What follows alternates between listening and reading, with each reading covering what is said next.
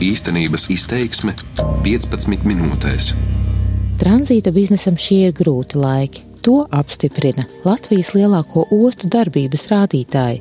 Piemēram, Rīgas brīvostā šā gada pirmajā ceturksnī pārkrauto kravu apjoms salīdzinājumā ar iepriekšējā gada pirmajiem trim mēnešiem krīties par 11,6%. Kopējais kravu apgrozījums Ventspils brīvostā jau pēdējos divus gadus noslīdējis zem 90. gadu sākuma rādītājiem. Dzelzceļa kravu apgrozījums šā gada pirmajā ceturksnī bijis par 15% mazāks nekā pirms gada. Situācija nozarē neapšaubām ietekmē valstī piedarošo Latvijas dzelzceļu. Uzņēmums, kas uzskatāms par tranzīta biznesa mugurkaulu, ir otrais lielākais darba devējs Latvijā un pārvalda strateģiski nozīmīgu infrastruktūru. Jau rīt valdības sēdes slēgtajā daļā plānots pieņemt rīkojumu, kas atļautu uzņēmumam nemaksāt dividendes valstī un visu peļņu novirzīt rezervei, ko tas varētu izmantot savas darbības ilgtspējas saglabāšanai. Šādos apstākļos arvien biežāk tiek uzdots jautājums, vai šis ir īstais brīdis simtos miljonu eiro mērāmām investīcijām dzelzceļa elektrifikācijā. Šajā raidījumā īstenības izteiksme dziļāk ielūkosimies vairāk nekā 440 miljonus vērtā dzelzceļa elektrifikācijas pirmā posma virzītāju un skeptiķu argumentos. Skatoties elektrifikāciju kā tādu, atrautu no cipariem, atrautu no, no, no visa kā pārējā, ja, tad, protams, pati par sevi elektrifikācija ir, ir, ir laba. Tur CO2 samazinājums, ir uh, lielāka vilces jauda un tā tālāk. Tā joprojām. Visa šī argumentācija ir, ir, ir pareiza un viss tur ir kārtībā. Otrs jautājums ir, cik tas ir pamatots šobrīd, kādas ir izmaksas, vai šo naudu var tērēt vai nevar tērēt savādāk. Spriež Latvijas loģistikas asociācijas vadītājs Normons Krūmiņš.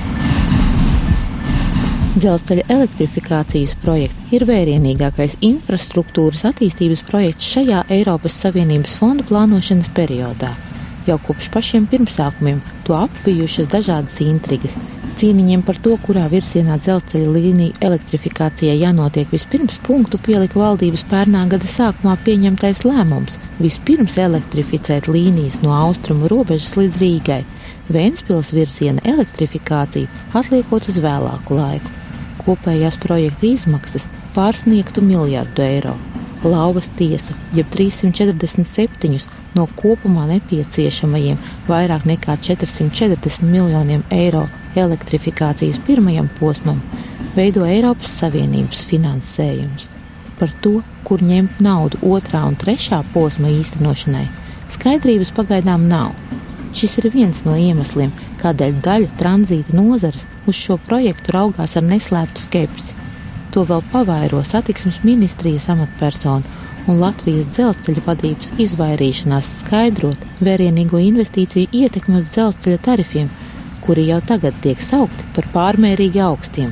Turklāt tas viss notiek laikā, kad transporta nozare arvien turpina zaudēt Krievijas kravas, kuru apkalpošana gadu desmitiem ir bijusi šī biznesa pamatakmens. Latvijas loģistikas asociācijas vadītājs Normons Krūmiņš domā, ka šajos apstākļos Latvijai vajadzēja sekot Lietuvas piemēram un Eiropas naudu izmantot multimodālu loģistikas centru izveidei. Būtu jāveido šādi industriālie loģistikas centri ap, šiem lielajiem dzelzceļa mezgliem, kas A palielinātu dzelzceļa pievilcību, jo šobrīd ir, ir ļoti, ļoti ierobežota tā infrastruktūra, kādu dzelzceļu mēs varam izmantot vispār kaut vai Latvijas-Baltijas kontekstā.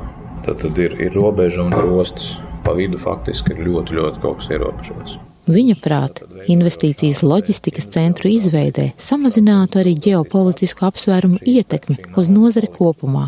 Piesaistot šos te kravu īpašniekus, kravu plūsmu turētājus ar, ar šiem loģistikas pakalpojumiem, tad, mēs viņus vairāk piesienam šai Latvijai, jo mēs dziļāk ejam iekšā šajās pašās preču apstrādes procedūrās, jo grūtāk ir to pārnest kaut kur citur. Respektīvi, jūs domājat, ka tad arī ir mazāk tāda atkarība no kaut kādiem ģeopolitiskiem satricinājumiem? Protams, jo, jo, jo, jo tad mēs, mēs ieejam iekšā jau kā spēlētājs tajā preču vērtības pievienošanas ķēdē. Nozares vadība runājot par elektrifikācijas projekta nepieciešamību, bieži piesauc arī kravas no Ķīnas.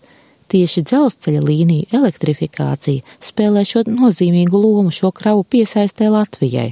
Māris Bremse, kura vadītā kompānija Baltijas ekspreses pērn apkalpojusi aptuveni piekto daļu no kopējā Latvijā apkalpoto dzelzceļa kravu apjoma, šiem apgalvojumiem netic.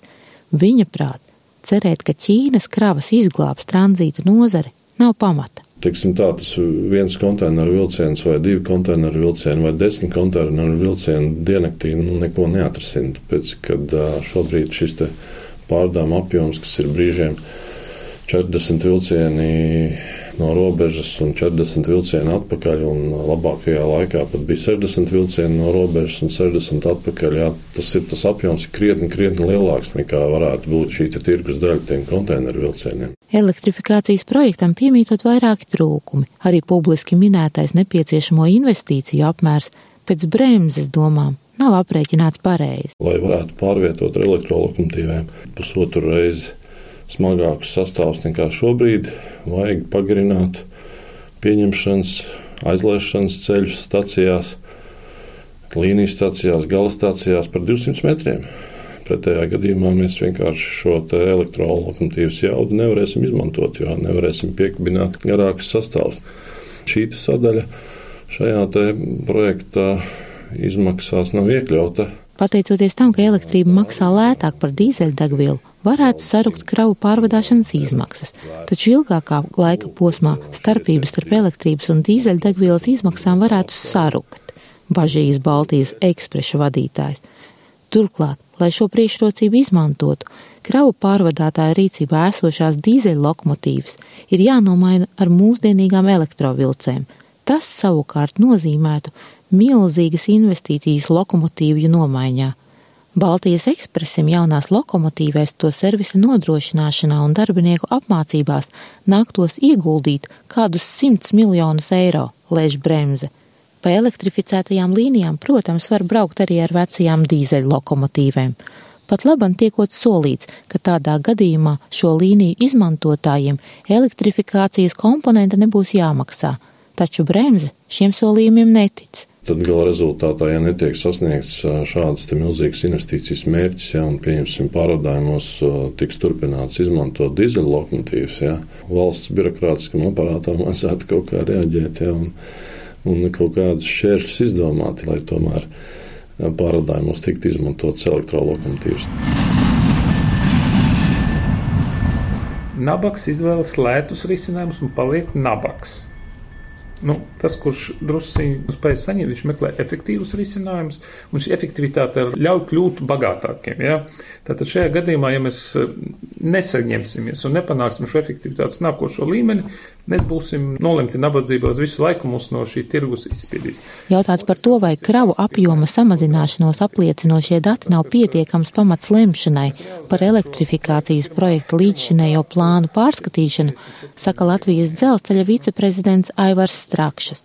Viņš uzsver, ka projekta ekonomisko pamatotību vērtējušas gan auditoru kompānijas ar starptautisku vārdu, gan Eiropas institūciju eksperti. Jā, dzelzceļam nesot paši vieglākie laiki, taču ilgajā vēsturē esot piedzīvoti arī daudz sarežģītāki posmi.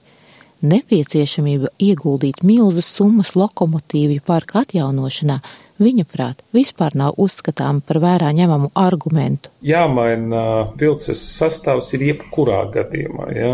70. gadu tehnoloģijām, 60. pat, jā, kas mums te brauc pa, pa dzelzceļu, nav nākotnes, nav perspektīvas. Viņas ir vidē nedraudzīgas, viņas ir patērē daudz degvielas, ārkārtīgi daudz eļļas, sadedzina un, un viņi izlīst uz, uz.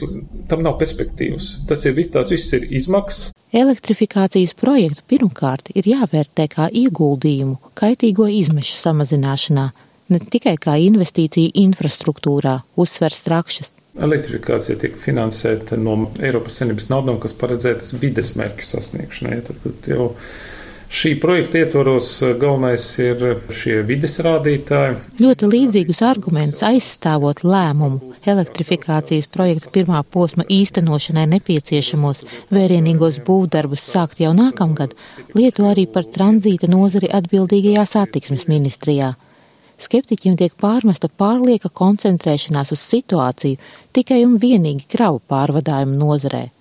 Satiksmes ministrijas dzelzceļa departamenta direktors Patriks Markevičs saka, Pēc projekta pabeigšanas, pirmās kārtas pabeigšanas arī Rēzekne un Daugavpils mums būs elektrificētajā zonā, un tad, kad mums būs jaunie skaistie glītie elektrovilcieni, ar tiem būs iespēja ērti, komfortabli aizbraukt ar ekspresu vilcieniem, es domāju, arī būtiski ātrāk nekā ar autobusiem gan uz Krustpili, gan uz Reizekni, gan uz Daugavpili. Tādēļ projekta ieguvums esot jāvērtē ilgtermiņa perspektīvā. Būtu tuvredzīgi, ja mēs skatītos tikai no šīs dienas problēmām un ar to, kādā veidā ir veidojās ģeopolitiskās attiecības, cik saspringts attiecības ir Krievijas, Eiropas starpā, ja kas tieši izpaužās uz šiem te konkrētajiem dzelzceļa pārvadājumiem katrā konkrētajā brīdī. Un, jo šo projektu mēs būvējam ne jau pieciem, desmit gadiem, bet tas ir 40, 50 gadu projekts. Sākot atkārtotu projekta izvērtēšanu, Latvija riskējot pazaudēt gandrīz 350 miljonus eiro lielo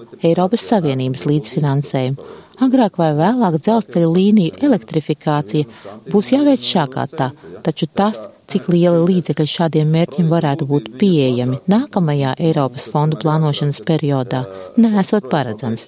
Tādēļ šis esot pat ļoti piemērots brīdis elektrifikācijas sākšanai pauž satiksmes ministrijas dzelzceļa departamenta direktors Markēvičs. Viennozīmīgi skaidrs, ka eh, ne Latvijas dzelzceļš, ne valsts kopumā pa saviem līdzekļiem šādas investīcijas šī brīdī atļauties nevar. Bez Eiropas līdzfinansējuma šādas investīcijas mūsu tīkla attīstībā nebūtu iespējams. Vairāki dokumenti, kurus satiksmes ministrija virza izskatīšanai valdībā, tostarp šīs nedēļas valdības sēdes slēgtajā daļā izskatāmais rīkojuma projekts par Latvijas dzelzceļa atbrīvošanu no pienākuma maksāt dividendes valstī, rada pamatu jautājumiem par to, vai kompānijas šobrīd maz spēja nodrošināt vairāk nekā 90 miljonus eiro lielo līdzfinansējumu elektrifikācijas projektu pirmajam posmam.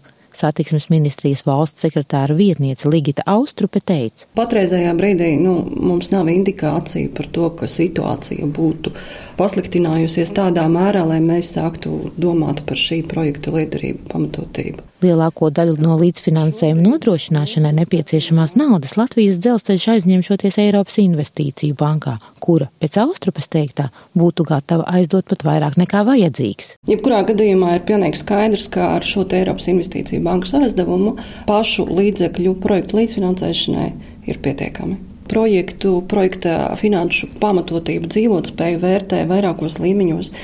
Gan projektu izstrādātāji, kas ir piesaistījuši arī ekspertīzi no auditoru kompānijām, gan Eiropas komisijas eksperti, kas vēl pārbauda padziļināti katra cipara, katra data patiesumu Un, faktiski, ja Eiropas komisija vai tas pats Eiropas investīciju bankas izveidotā komisija, ja viņi saskata, ka šis projekts nav dzīvotspējīgs, ja Latvijas dzelzceļš ir sasniedzis to līmeni, ka projekts vairs nevar tikt realizēts, jo faktiski vairs nav finansiālā seguma, tad tas vienkārši netiks apstiprināts.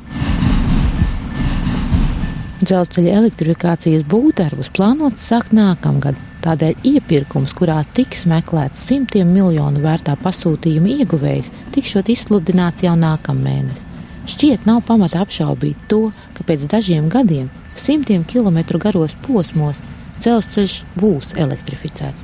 Taču pastāv liela varbūtība, ka šajos posmos vēl gadiem ilgi lielākoties kursēs sastāvi, kurus vilks trokšņainās un vidē nedraudzīgās dīzeļu lokomotīvas.